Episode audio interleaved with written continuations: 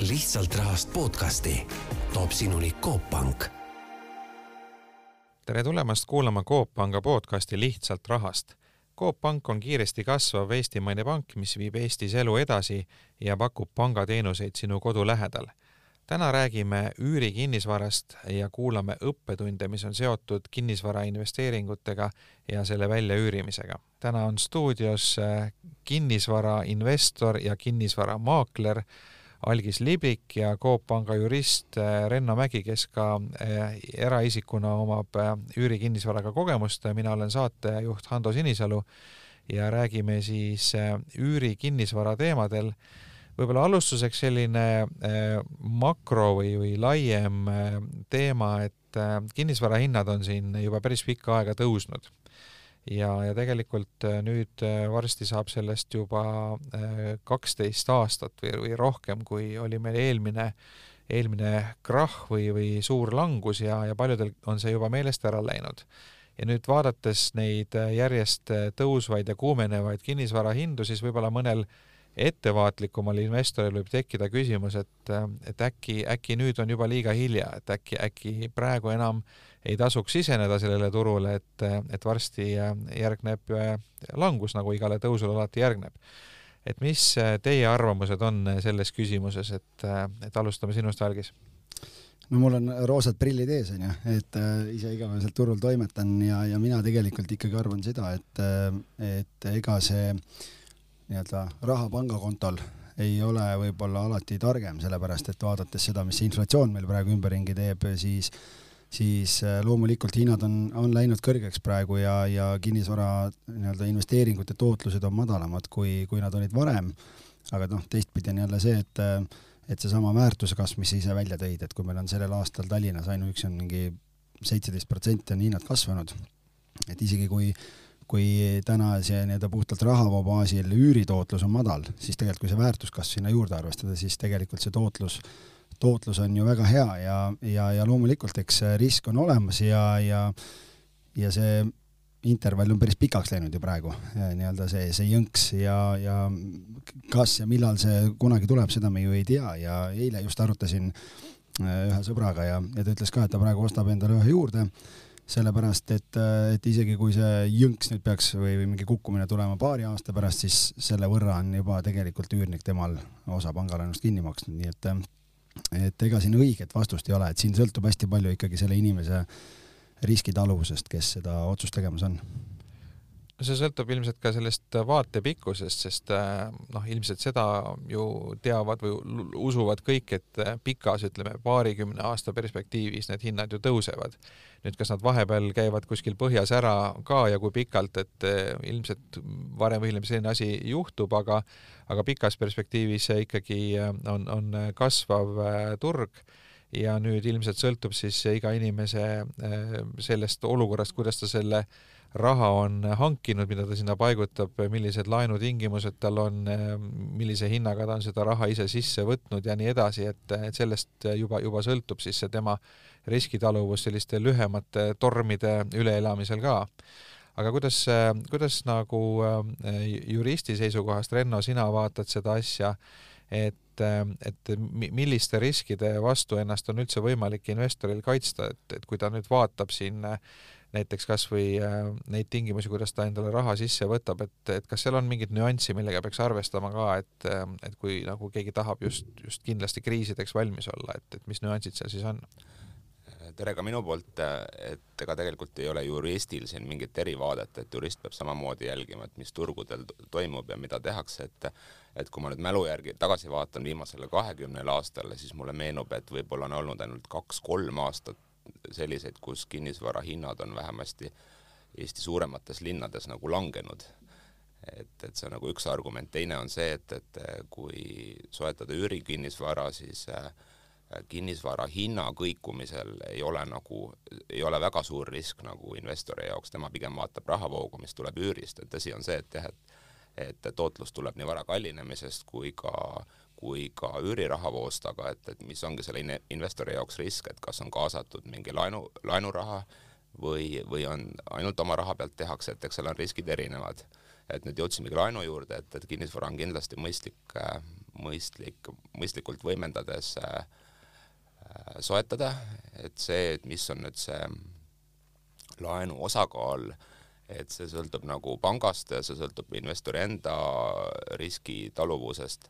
et äh, millega peab arvestama, on see, et äh, sõlmitakse laenuleping ja see intress koosneb siis marginaalist ja baasmäärast.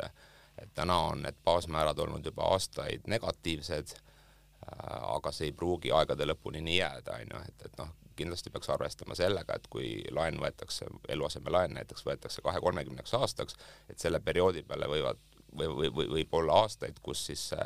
baasmäära võrra intress kallineb, et, et kas siis ollakse suuteline ka seda laenu teenindama või mitte. Et aga mis nagu väga laenu kasuks räägib, on ikkagi see, et, et ja arvestades siis laenu intressi veel korrigeeritult äh, inflatsiooniga, siis näiteks täna on see paljude laenude puhul negatiivne, et kui meil selle aasta inflatsioon tuleb sinna nelja protsendi kanti aasta lõikes, et, et ena-, enamus äh,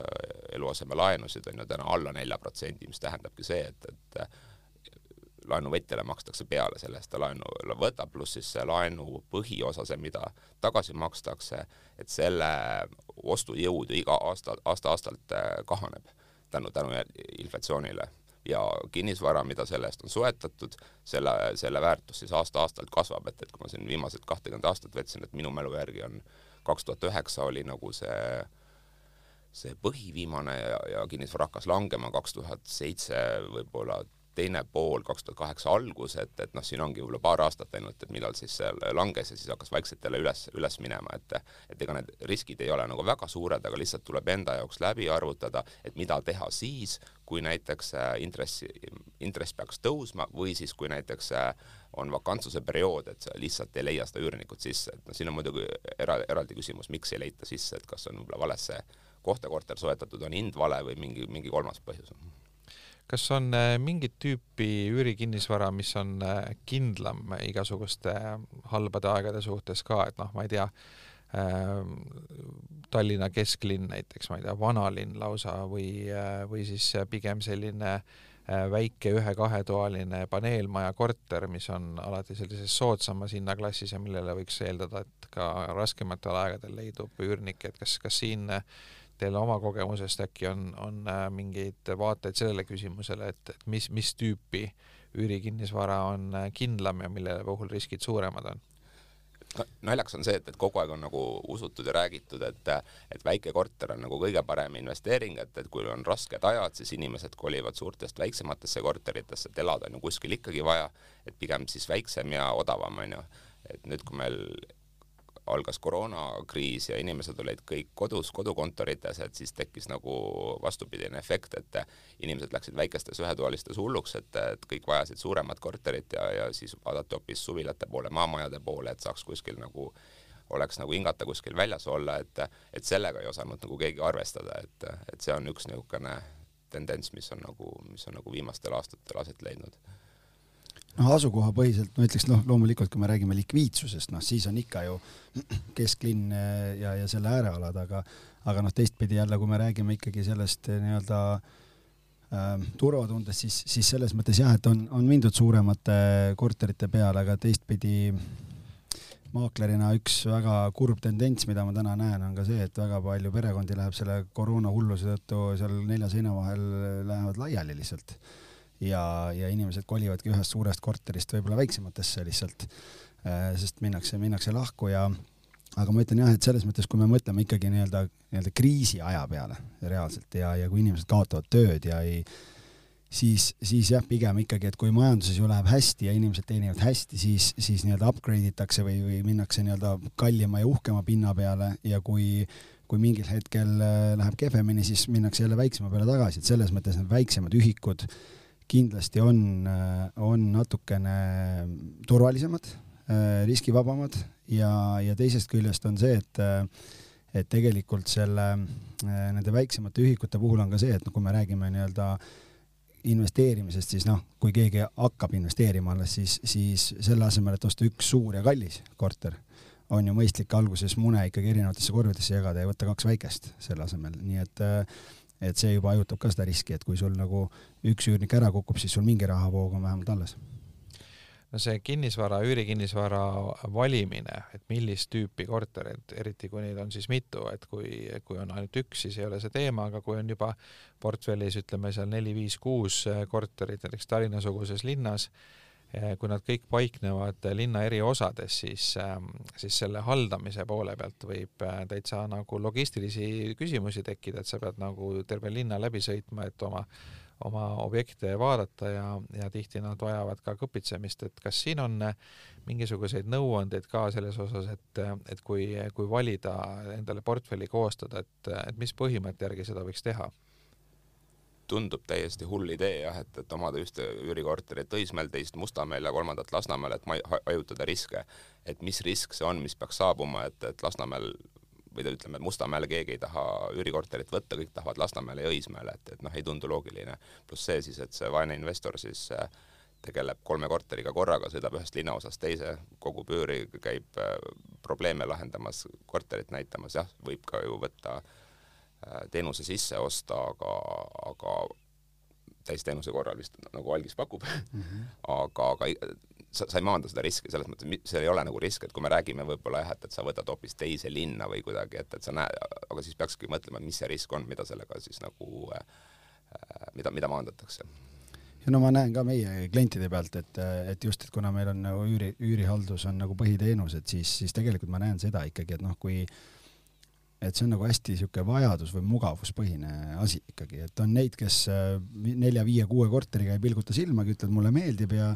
ja, ja toimetavadki ise ja teevad ja teised on need, kes ütlevad, et kahe-kolme korteriga ütlevad, kui ma ei viitsi enam, et noh, et, et äkki teete ära ja, ja, ja kõik see pool, et selles mõttes ma ütleks niimoodi, et ma arvan, et Tallinn ei ole nii suur täna, et me ei saaks ühest kohast teise ja, ja kui sul ongi see viis-kuus korterit, no ega sa ju samal ajal ei pea tegelikult jooksma ühest kohast teise, et et lihtsalt seal on pigem, pigem küsimus ei ole selles, et sa pead kohale sõitma mingeid asju tegema, vaid, vaid äh, vaid seal on neid jooksvaid asju, seal on äh, sõltuvalt majadest jälle uusarendustes on ühed probleemid, äh, vanades majades on teised probleemid, ühistutega suhtlemine, üürnikega mingid arveldused, asjad, kõik, kõik see pool. et ma arvan, seda kommunikatsiooni on nagu palju, et see logistika võib-olla ei olegi nagu tegelikult nii keeruline, lihtsalt see nii-öelda ühes kohas portfelli omamine, võib-olla kui keegi tahab alustada, siis on lihtsalt see, et kui, kui Hando elab Mustamäel ja ja, ja ta tunneb seda piirkonda hästi, siis sa lihtsalt võib-olla sellepärast juba võtad sinna piirkonda, et sul endal on tunnetus olemas üldse, et mida seal selles piirkonnas selle eest võiks nagu saada. Aga uusarendustest rääkides, et, et noh, uute majade puhul äh, on vahel võimalik osta ühte majja mitu korterit, et äh, kui tuleb arendusmüüki, siis esimeste hulgas ilmselt on võimalik äh, mitu, mitu tükki kohe osta, et kas see oleks hea mõte osta ühte arendusse mitu korterit, et siis on nagu ka ühistu ja ja kõige muude asjaajamistega natuke lihtsam või, või pigem on hea riski hajutada ja osta need korterid erinevatesse majadesse? eks see sõltub ka tootlusootusest natuke, et kui sa ikkagi ostad uude majja korteri, siis tõenäoliselt on see hind kõrgem ja üüritootlus on sul madalam, et täna on kõvasti teenitud selle väärtuse kasvu pealt uutes korterites, et äh, noh, ja pluss siis veel see, et, et kui maja on alles valmis saanud, siis kindlasti on seal mingeid lõpetamata otsi, probleeme, võib-olla mingid praod tekivad kuskil, garantiiremondid, et et arendajalt siis selle ühistu asjade üleandmine uuele loodavale ühistule, et, et eks, eks nende asjadega tuleb ilmselt tegelema, tegeleda, aga algisel ilmselt siin rohkem kogemust. Äh, kui sa oleks küsinud mu käest äh, aasta tagasi või, või koroona alguses, siis äh, ma oleks öelnud, et mõistlik on osta ühte kohta, sellepärast et arendajad olid natuke ärevil ja sai hinnas rääkida. täna just teel siia sõites suhtlesin ühe arendajaga, et ühe investoriga töötame, tahame osta mahtu korraga ja, ja tegime pakkumise ja ütlesid, et nad ei tee hinnaalandust, sellepärast et, et defitsiit on need lähevad need korterid niisama ka selle hinnaga ära. et varem oli see argument, et noh, et lähed mahuga ostad, siis sa võidad juba sealt, saad mingi, mingi protsendi alla. täna see nagu enam ei ole teema, aga teistpidi on jah, et kui, kui nagu rääkida jälle, et, et võtta ühte majja,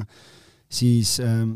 noh, see võib olla käsi kullas või, või, või võib-olla see teine variant on ju, sõltub sellest, et äh, millise arendaja juurde sa ostad ja, ja kas seal on nagu kõik hästi või, või noh, majades on väga erinevaid probleeme ja osades on päris suuri probleeme kohe et, et täna ikkagi, kui uus arendusse osta, siis ma ütlen, et see sõltub väga sellest, millise arendaja juurde sa ostad, et, et see kodutöö tuleb hästi põhjalikult ära teha. Kui nüüd äh, vaadata seda asja üürniku seisukohast, et oletame, et, äh, et üürnik on siis äh, sinu kui äh, investori korterisse äh, üürile tulnud, et äh, mis need sellised tüüpilised nõudmised on, et noh, põhimõtteliselt Äh,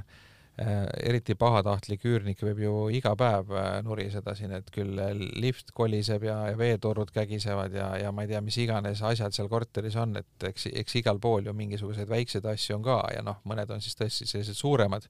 suuremad probleemid, et, äh, et, et, et kuidas see maailm nagu praktikas välja näeb, et, et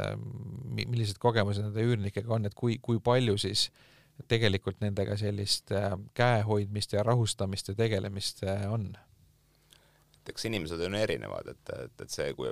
maja eest läheb tee mööda ja autod sõidavad, et siis noh, seda ju üürileandja nagu väiksemaks kuidagi ei tee, et, et aknaid vahetama ja ei hakka, aga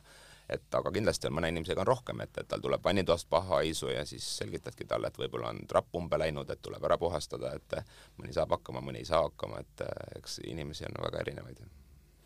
ja ma olen nõus, et, et see tegelikult siin ei saa nagu üldistada, et siin on ikkagi see, et on, on neid, neid üürnikke, kes tulevad, nad saavad aru, et see on nende kodu, et nad kohtlevadki seda nagu oma kodu, nad võtavad selle vastutuse, et nad teevad kõik asjad ära, mis on vaja ja noh, kui läheb isegi midagi katki, midagi ütlevad, kuule, et mul on vaja torumees kutsuda, et et siis me ütleme, et okei okay,, et telli ära ja siis me arveldame selle nii-öelda järgmise kuu arvetega, arveldame ära, et võta see kulu ära ja siis teine osa on need need äh, nii-öelda siidinäpud, kes äh, iga murega helistavad, ise mitte midagi tehtud ei saa, Google'it kasutada ei oska ja ja siis sa peadki, peadki tegelema ja õpetama ja, ja kasvatama natukene, ütlema, et kuule, et sa nüüd oled iseseisev inimene ja, ja sa saad nende asjadega hakkama, et et ma selle koha pealt nii-öelda ütleks, et, et need nõudmised on nagu pigem, kui väikeste korterite puhul räägime, siis, siis ma ei ütleks, et seal neid tohutult suuri nõudmisi on, kui on nagu suuremad korterid juba kolme-neljatoalised, võib-olla sellised luks, luksimad korterid natukene siis seal tuleb ikkagi see pere või klient tuleb väga vajaduspõhiselt juba. Ja nendel on mingid standardid välja kujunenud ja otsustatakse selle järgi, et kas mööbel on ikkagi piisavalt kvaliteetne selle, selle hinna ja, ja korteri kohta ja, ja noh, muud mingid sellised kriteeriumid, et kellelgi on vaja sauna, keegi ei taha sauna, kellelegi meeldib vann, teine ütleb, ma pole elus vannis käinud, onju, noh, see on nii, nii äh, üksikutes detailides kinni. Aga kui palju üldse lepingutega on võimalik selliseid võimalikke probleeme välistada, et, äh, et noh, mõned lepingud on päris üldised ja loomulikult siis on võimalik sinna lisadesse panna nagu iga viimane kui detail kin-, kirja kuni sinnamaani välja, et et mida siis teha, kui paha haisu tuleb sealt äh, vannitoa trapist, et, äh, et, et mis teie kogemus ütleb, et kui detailseks need lepingud on mõtet ajada? mina ütlen, et ei ole mõtet ajada, et täna on ikkagi võlaõigusseadus, mis sätestab seda, kuidas üürisuhe on reguleeritud ja, ja noh, ongi see, et kui ma olen näinud ka mingeid äh, kortereid, mis, mis, äh, mida ma siis pean hakkama välja üürima näiteks, mis, äh, mis ei ole haldus meil, kus on nagu maaklerina. Ja, ja kui ma olen näinud neid eelmiseid lepinguid ja asju või kui on mingi korterimüük näiteks, kus antakse üle üürileping, et müüakse koos, koos rahavooga, no siis äh, mingil põhjusel omanikud arvavad, et need seadused ei ole nagu pädevad või, või piisavad. Ja siis nad hakkavad nagu väänama neid, neid asju ja väänavad tihtipeale nii, et, et arvavad, et väänavad nagu enda kasuks aga noh, iga, iga seadusepunkt, mis sul on lepingus, mis ei ole vastavuses võlaõigusseadusega või on üürniku kahjuks, on õigustühine. ehk et, et aga kui me räägime nagu sellest, et noh, et lepingusse panna seda, et sa pead olema suuteline ise elektripirni vahetama või, või torumeest tellima, siis noh, see on niisugune common sense rohkem, et ma ütlen, ma ei ütleks, et seda peaks kuidagi lepingus nagu välja tooma sportlikust huvist tahaks kangesti algisele vastu vaielda, aga no ei saa, selles mõttes, et minul samamoodi, et, et üritan selle lepingu võimalikult lühidaks teha, võib-olla kaks-kolm lehekülge, mitte rohkem, et esiteks üürnik viitsib selle siis ka läbi lugeda, et ta saab aru, mis seal kirjas on, teiseks ei ole mõtet seadust ümber kirjutada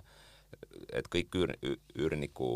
kahjuks seadusest erinevad kokkulepped on nagu ei, ei ole kehtivad, et küll, küll on momente, mida võib-olla tasub jälgida, näiteks et kui on rohkem seadmeid ja asju seal korteris, siis noh, näiteks on või, või, võimalik kokku leppida, et kui see seade katki läheb, et, et siis üürileandjal ei ole kohustust seda välja vahetada, on ju, siis elabki ilma selle seadmeta, et kui see ei ole nagu eluks vajalik, et me ei räägi siin soojaveeboilerist, et ütleme, mingisugune televiisor näiteks, on ju, et, et noh, siis põhimõtteliselt seda on võimalik kokku leppida. Ja siis noh, millele on, on asju, millele tuleb nagu vähe, väga palju tähelepanu pöörata, on see, et, et, et millises seisundis siis valdus üle antakse, kuidas, mis, mis puudused nendel sead-, seadmetel, mööblil, esemetel, mis korteris asuvad, et mis seal on või ei ole üldse, ja teine, mis on üli, ülioluline, et, et kui see korter nagu tagasi saadakse, et, et millises korras see siis peab olema, et minu kogemus ütleb küll, et noh, see on alati nagu probleemide allikas, et, et sellega võib nagu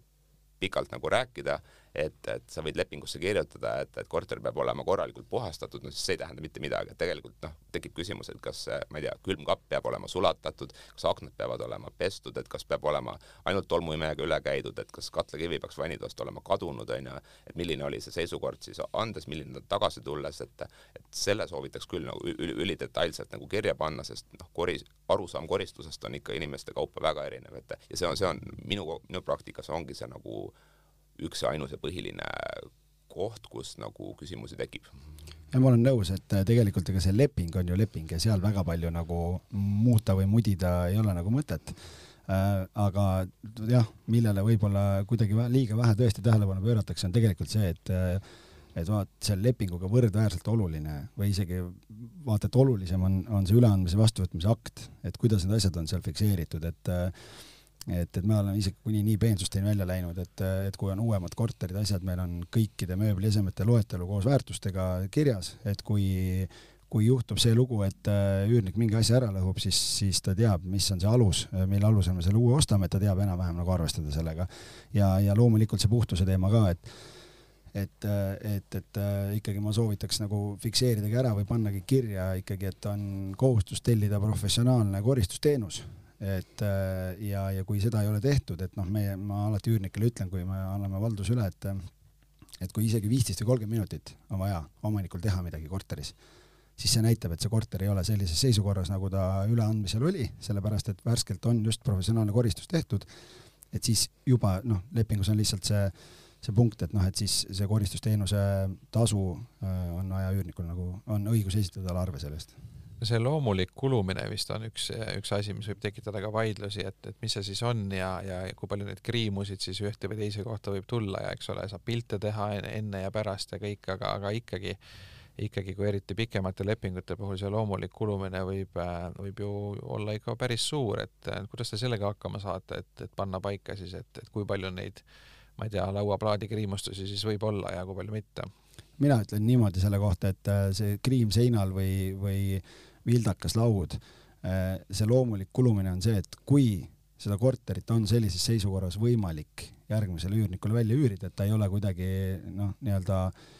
noh, ütleme see laud, et ta kohe-kohe kukub kokku, et kui üürnik paneb oma kohvitassi peale ja on näha, et ta siis kokku kukub, noh siis me sellise lauaga ei üüri, et kui, kui seda lauda ei saa kasutada, siis see ei ole loomulik kulumine, vaid see on, see on füüsilise tegevuse tagajärjel kuidagi ikkagi kahjustada saanud. aga kui sul on seina peal on mingi kulumisjäljed või, või mingi kriim, siis noh, see ei peaks olema nagu see asi, mille pärast eh, sa pead hakkama kohe maaritööd tellima, et aga, aga see on see koht tavaliselt, kus omanikud eh, haistavad seda teenimise võimalust ja, ja lähevad sinna tagatisrahade ja asjade kallale ja, ja see on tegelikult täna tu turul päris suur probleem mida me veel ei puudutanud, ongi võib-olla see jah, et, et mida see üürnik seal siis teha võib, et ta võib ka oma tegevusega seda olukorda halvendada, näiteks et panebki seinad pilte täis, paneb iga pildi jaoks kruvi või naela seina või paneb siis mingid kahepoolsed teibid, mis tulevad koos värviga ära, et et see on, see on koht, mida kindlasti peaks lepingus reguleerima, seinte ülevärvimine, remondi tegemine, asjade asendamine, et, et kas see on lubatud või ei ole, on ju, et et, et sellega saab seda olukorda ikkagi oluliselt halvendada nojah, tegelikult äh, seintel pildid jätavad ju ka äh, valgusega äh, nagu need jäljed seinale, et kui sa oma pildid maha võtad, siis on kohe selle koha pealt tapeet teist värvi. et seda vist või, võib loomulikuks kulumiseks nimetada. jah, siin ongi, mul on värske näide ühest korterist, kus üürnik kolis välja ja täpselt oli pandud see noh, nii-öelda korktahvel või selline asi oli seina peale pandud kahepoolse teibiga ilusasti niimoodi mingi viis korda neli umbes niimoodi üksteise alla ja, ja kui see seinast ära võtta, siis oli siuke ilus, äh, siuke kärbseseent meenutav siuke suur laik oli seina peal ja noh, see, see ei ole loomulik kulumine, et see on üürniku tegevusest tulenev asi ja sinna tuli teha maalitööd ja see on nagu reaalne kulu. aga teisest küljest on jälle ütleme, võib-olla mingi, mingi muu asja puhul jah, just mis ma soovitan samamoodi on see, et kui, kui ikkagi üürnik äh,, lepingusse tuleks panna see, et üürnik peab kooskõlastama võimalikud asjad, et äh, et, et kui on kirjas, et üürnik võib äh, pilti seina panna, siis, äh, siis mina isegi soovitan, kui on võimalik, et mine ise, äh, mine ise puuri see auk seina, sellepärast et inimeste trelli kasutamise kogemus on väga erinev ja, ja ma olen ühte maja ühele tegevjuhile otsime üürimaja ja ja, ja siis kui, kui andsime selle üle, siis omanik ütles, et näed, et mul on selles toas tehtud täielik remont just sellepärast, et üks saatkond oli sees siin aastaid ja oli kokkulepe, et jah, nad võivad pilte seina panna aga jäi kooskõlastamata, et kui palju siis ja, ja siis seal oli kuulipilduja tuli, onju, et terve sein oli perepilte täis olnud ja ja muud varianti ei olnud, et noh, et see ei olnud kaks-kolm auku, vaid tuli terve sein üle, üle teha. aga nendest äh, üürnikest veel rääkides, et, ähm, et noh, saatkond tundub selline magus, magus klient, usaldusväärne ja ja võib-olla noh, siin meediat jälgides on äh, hirmulugusid, et, et keegi võtab üürile ja pärast elab seal kümme ehitajat sees ja ja, ja see korter äh, näeb pärast kole välja ja siis on ka need kurikuulsad puuküürnikud, kellest, äh, kellest ei saa lahti, keda ei saa välja, kuna seadus täna so soosib äh, ikkagi üürnikku, et, et mis teie kogemused on, kuidasmoodi teha seda head taustakontrolli, et olla kindel, et, et see üürnik ikkagi on usaldusväärne? No mina isegi teen, teen nagu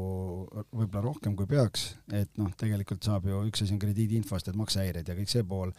ma isegi eraldi võtan veel Bisnodest võtan välja, et need on erinevad allikad natukene, sealt jooksevad välja siis ka erinevad inkasso asjad, kohtulahendid, kõik ettevõtetega seotud informatsioon ja asjad, et noh, et eraisiku taust võib korras olla, aga kui sa vaatad, et äh, inimesel on kolm ettevõtet ja kõik on punases, maksehäired, mingid maksuvõlad on üleval, noh siis ilmselgelt see pole juhuslik, vaid seal on kuidagi inimesel on ikkagi nagu finantside haldamisega on nagu probleem. E, ja, ja, ja noh, teine asi on ka see, et äh, ega noh, loomulik on see, et sa vaatad ju kõik avalikud mm, registrid, asjad, võimalused, kõik sotsiaalmeediat, kõik asjad vaatad üle, et isegi kui see taust on korras, aga kui sul sotsiaalmeediast vaatab nagu viinapudeliga pilt on profiilipildiks pandud, siis, siis noh, see ei ole nagu see üürnik, keda mina omanikele nagu soovitada tahaks, et täpselt sama, mis algiski lisaks sellele veel, et uurin välja ka, et, et kes on need inimesed, kes peaksid või tuleksid siis sinna korterisse elama, et et seaduse regulatsioon on selline, et kui üürilepingus ei ole kokku lepitud teisiti, siis üürnik võib majutada seal oma perekonnaliikmeid, vanemaid, et et, et kui näiteks soovitaksegi elukaaslasega koos tulla, et noh, siis panemegi selle elukaaslase ka sinna lepingusse, et et, et ei oleks nagu iga päev uus elukaaslane või et, et noh, ühesõnaga, oleks arusaadav, kes, kes seal elavad, kui palju inimesi seal elavad, et, et mida rohkem inimesi, seda suurem amortisatsioon, et pluss teadmine, et võib-olla noh, tulebki sinna see, keegi selline, kes, kes tegelikult on puuk, on ju, et koos, koos selle põhiüürnikuga, et et, et selle, selle peaks nagu ikkagi välja selgitama ja läbi rääkima ja, ja nii ka lepingusse panema. ja mul on olnud olukordi, kus tuleb, äh, mees ja naine tulevad ja siis, siis äh, ma üt-, siis ma alati selgitan olukorda, et mul on äh, nii-öelda vaja nõusolekut isikuandmete töötlemiseks ja, ja, ja, teie mõlema isikute enda dokumendi koopiaid ja kõike seda poolt ja siis on olnud juhusid, kus hakkab, et ei, noh, tegelikult ega mina ainult üürin, et tema hakkab nagu elab üldse teises kohas ja hakkab mul siin võib-olla aeg-ajalt käib külas ja, ja hakkab tulema mingeid veidrusi või noh, et kas ettevõttele saab äh, üürida ja noh, siis okei okay,, noh, inimlikust seisukohast võib-olla saad aru, et kuskil on midagi valesti läinud, aga, aga noh, et, et täpselt, et noh, et vahet ei ole, kas on abikaasad või on elukaaslased, et alati tuleb mõlemad osapooled ära kontrollida ja, ja noh, see sinu vastuseks sinu küsimusele, et kuidas ennetada seda, et kümme ehitajat hakkab seal elama ega sa päeva lõpuni tegelikult ei saagi seda ju kontrollida. lihtsalt kui see juhtub ja see välja tuleb, siis see on tahtlik lepingu rikkumine ja siis on võimalus leping erakorraliselt tegelikult üles öelda kas teil koduloomadega seoses ka probleeme on, sest ma tean, et äh, päris paljud äh, ei, ei lubagi koduloomaga üürniku enda korterisse, aga vist mõned siiski lubavad, et kas seal on mingid lisariskid või kuidas see käib? Äh, mul on ühes korteris olnud, see oli niisugune vanem korter ja seal ei olnud ta probleeme, et aga, see ikkagi läks remonti, sest tegemist oli kassiga ja siis võib-olla ta oli üksinda pikka aega, et, et tal ikkagi tapeedid olid ära kraapinud ja ukselenge oli kraapinud, aga, aga ütleme, kus on ikka remonditud korterid, siis ma sinna ei ole nagu võtnud. mina olen vastupidisel seisukohal ja mul on väga hea näide selle koha pealt just, et meil on, meil on, ma arvan, üürnikke, kellel on koduloomad üks kakskümmend, kolmkümmend umbes eh, haldusalas olevates korterites ja ja just eile võtsin ühe korteri vastu, läikes nagu prillikivi, mitte midagi viga ei olnud, samas oli äh, seesama korter, mis ma enne rääkisin, sellest korterist võib erinevaid lugusid rääkida siin täna veel, kui meil aega on, aga, aga seal oli ka koer ja seal oli noh, näiteks oli ikkagi see üürnik jäi meile võlgu ja, ja, ja viis-kuus kuud oli ta seal ainult sees. Ja selle ajaga tegelikult see koer oli seal ikkagi üht-teist suutnud korraldada, näiteks oli, oli hüpanud ukselinki niimoodi, et ukse peal olid küünejäljed ja, ja kogu see pool, aga aga noh, seal oligi see, et, et seal on jälle see küsimus, et kui sa selle lemmikloomaga üürniku võtad, et siis see peaks olema nagu täiendavad äh, kriteeriumid juures, et täna minu meelest IF kindlustus pakub, äh, pakub äh, lemmikloomaga kaitset juba, et seal on kolme tuhande eurone vastutuskindlustus on, on seal sees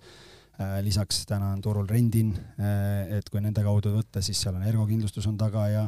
ja, ja, ja täna päeva lõpuks alati, kui mina oma klientidega räägin ja, ja hakkame üürnikku otsima, siis kuna täna üüriturul on ikkagi viis protsenti või isegi vähem korterid, kus lemmikloom on lubatud, siis need inimesed, kellel on kass või koer, on püsti hädas.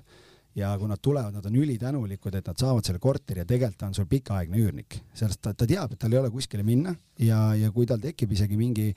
noh, ma olen alati öelnud, et vahet ei ole, kas kas nüüd äh, Hando teeb midagi või, või teeb sinu laps või teeb sinu lemmikloom, sina nagunii vastutad üürnikuna, lihtsalt küsimus on, milline on see kahjude ulatus ja kui, kui näiteks rendini kaudu teha, siis, siis seesama perekond, kes siin võlgu jäi ja, ja, ja kes seal seda jama korraldas, siis lõpuks meil tuligi kindlustusjuhtum sealt suurusjärk kaks tuhat eurot olid kõik need kahjud kokku ja, ja me saime ilusasti kaetud, et selles mõttes, et äh, mina ei näe seal seda tonti inimesed võib-olla kardavad lihtsalt rohkem seda, et äkki koer haugub ja naabrid on häiritud ja kõik, kõik see pool ja äkki kass pissib diivani peale või mingid asjad, aga, aga ma ei näe reaalses elus nagu neid asju nagu juhtumas, et, et natukene on üle võimendatud see asi. Täitsa nõus, et, et ilmselt koduloomaga üürnik on sul lojaalsem, võib-olla sa saad ka natukene kõrgemat üüri võtta, aga mul on omale värske kogemus, ma võtsin iseendale märtsikuus kassi igasse tuppa panin talle ronimis- ja küünte kraapimispuud, selle, sellega ta tegeleb, aga kogu, kogu pehme mööbel, noh, peaks nüüd vahetusse minema. ta ei ole neid kraapinud, aga tal on niisugused kohapeal stardid, et, et siis nagu niite lendab, on ju, selles mõttes ja noh, rikošetid kuskilt diivanipõrkeid ja selles mõttes, et, et noh, see on nüüd siis märtsist äh, novembrini, on ju, ja mul on täiesti uus diivan, mis on pekkis, on ju, tugitoolid kõik, on ju, ühesõnaga et kogemus on nii värske, et ja ma ütlen, see sõltub hästi palju ka sellest koerast või sellest kassist, et, et osad ütlevad seal me iga kahe nädala tagant lõikame küüsi ja noh, hullult teadlikud ja ja teine mul just eile kirjutas, üks tahab ühte korterit tulla vaatama, mingi välismaalane tuleb Eestisse elama ja tal on kolm kassi ja need on kõik on äh, veel nii-öelda mm, lapsendatud või kuidas öeldakse, kodustatud, et üks on Maltalt ja kaks on Iisraelist ja ühesõnaga mingi pikk lugu oli seal taga, ma ütlesin, et kolme kassiga me ei võta, et noh, see on nagu too much, et, et seal see risk on on liiga suur, aga et selles mõttes oli õige point, et mida ma veel näen, on see, et need korterid, kus on lemmikloomad lubatud, see üürihind on seal kõrgem, noh, ta on kuskil, me oleme isegi kümme protsenti rohkem küsinud ja noh, võtame lihtsalt, et sul on viiesaja eurone korter, noh, sa küsid viissada viiskümmend, ta maksab sulle aastas kuussada eurot täiendavalt, see on juba lisaks ühe kuu deposiit tegelikult, mille sa sealt saad, et siis sul on justkui nagu kahe kuu deposiit, mis võiks nagu sellised, ma ei tea, diivanivahetused ja asjad juba nagu aitab ära katta ja üks selline igipõline teema veel siia juurde, et, et kas on mõistlik äh, leida üürnikke tähtajalise lepinguga või tähtajatu lepinguga, et siin on nüüd saatekülalistel erinevad arvamused, erinevad kogemused, et palun siis argumenteerige ja kaitske oma seisukohti, et, et Renno, alustame sinust. jaa, mina olen siis selle tähtajalise lepingu pigem pooldaja, et et mis need argumendid oleks see, et, et võib-olla kaks asja, et üks on siis äh, hinna muutmine et kui ma nüüd võtan viimased kümme aastat, siis sellel perioodil on äh, üürid tegelikult ei olegi langenud, et pigem on tõusnud, et nüüd koroona ajal võis, kui oli üürniku vahetus, siis võis uus üürnik ilmselt tulla natuke odavama hinnaga, et ütleme, ühel aastal on hinnad kukuvad. ehk siis on tegelikult on, on vajadus üüri tõstmiseks et äh, seadus võimaldab, kui sul on tähtajatu leping, et, et sa kord aastas siis, kui nii on kokku lepitud, äh, suurendad üüri, kui see on põhjendatud turutingimustel ja nii edasi. et äh, teine variant on see, et kui sul on aastane leping, leping lõpeb ära, siis on võimalik üürnikule öelda, et näe, leping saab läbi, et kas sa soovid, et, et on võimalik uus leping teha sellise hinnaga. et mulle tundub, et see on psühholoogiliselt on nagu üürnikule parem maha müüa seda hinnatõusu teine, teine moment on nüüd see, et, et lepingu lõppemine, et enamasti ju üürnik ütleb küll, et jah, ma võtan nüüd aastaks ajaks, mul täpselt aasta aega ongi vaja elada, et äh, sageli tal on vaja varem ära minna. et äh, tähtajalisel lepingul e-, ei ole korralise ülesütlemise võimalust. ehk, ehk tal ei ole võimalik nagu varem ära minna, et mida siis oleme teinud, on see, et lepime kokku, et jah, sa võid ära, ära küll minna, aga et äh, et sa lähed korterist välja, ma otsin uue üürniku, sellel perioodil, kui ma otsin, siis sa maksad veel üüri edasi. aga näiteks mitte rohkem kui ütleme kümme päeva, onju. et, et selle ajaga on enamasti uus üürnik võimalik leida ja siis üürileandjana mul nagu vakantsust ei tekigi. et, et see on nagu see põhjus, et, et kui mul on nüüd äh, tähtajatu leping, et, et siis on kolmekuuline etteteatamine, aga tegelikult ega selle etteteatamisest mul ei ole nagu midagi peale hakata, et et ajal, kui üürnik on veel sees, et ega ma seda ju uutele näitama ei hakka, et, et tal on kõik asjad laiali sinna, ma tulen uue, uue potentsiaalse üürnikuga kohale, et et noh, ei, ei ole nagu sobi-, sob-, sobiv näidata, et uus inimene ei tunne ennast hästi, et teise asjad on laiali, võib-olla mingi pild seintel, et, et, et see ei ole nagu tema kodu. vaat kui huvitav, ma olen, et see on, see on hästi huvitav, et ma olen täiesti teisel vastu, vastupidisel seisukorral, sellepärast et et minu meelest see tihtipeale minnakse selle tähtajalise lepingu teed sellepärast, et see tundub kindlam, selle just nagu, nagu sa ütlesid, et, et ta ei saa varem välja kolida ja nii edasi, aga aga noh, teistpidi on jälle see, et kui, kui see üürnik jääb võlgu näiteks, noh, siis see tähtaeg ei anna sulle mitte midagi, et sellepärast on, on, on temast vaja lahti saada nii või naa, noh, okei okay,, see on erakorralise lõpetamise sätted juba ja kõik muud asjad, aga minu noh, vaadates nagu selle peale jälle, et kui on nagu tähtajatu leping mulle tundub, et on natukene lihtsam leida üürnikku, see üürile andmine ei pea olema mugavuste asi loomulikult, aga, aga teistpidi on jälle see, et mina ütlen, ütlen küll, et äh, alati, kui korteri üürile saab antud, siis ma üürnikule selgitan ära, ütlen, et näed, et tähtajatu lepingu korral on ülesütlemise aeg on kolm kuud ette teatamist. kui sul on vaja kiiremini minna mingil põhjusel, siis äh, saab ka kiiremini, kui ma saan hakata kohe uut üürnikku otsima. Äh, siis sellest hetkest, kui uus leping hakkab kehtima, lõpeb sinu leping ära, et kui sa pead, ma ei tea, kuu aja pärast ära minema ja, ja ma ei tea, noh, läheb, ma ei tea, kümme, kakskümmend kuu aega, sa maksad võib-olla ühe kuu tühja, aga, aga tegelikult on see, et, et sa saad kiiremini minna ja mina ei häbene minna näitama korterit, sellepärast et äh,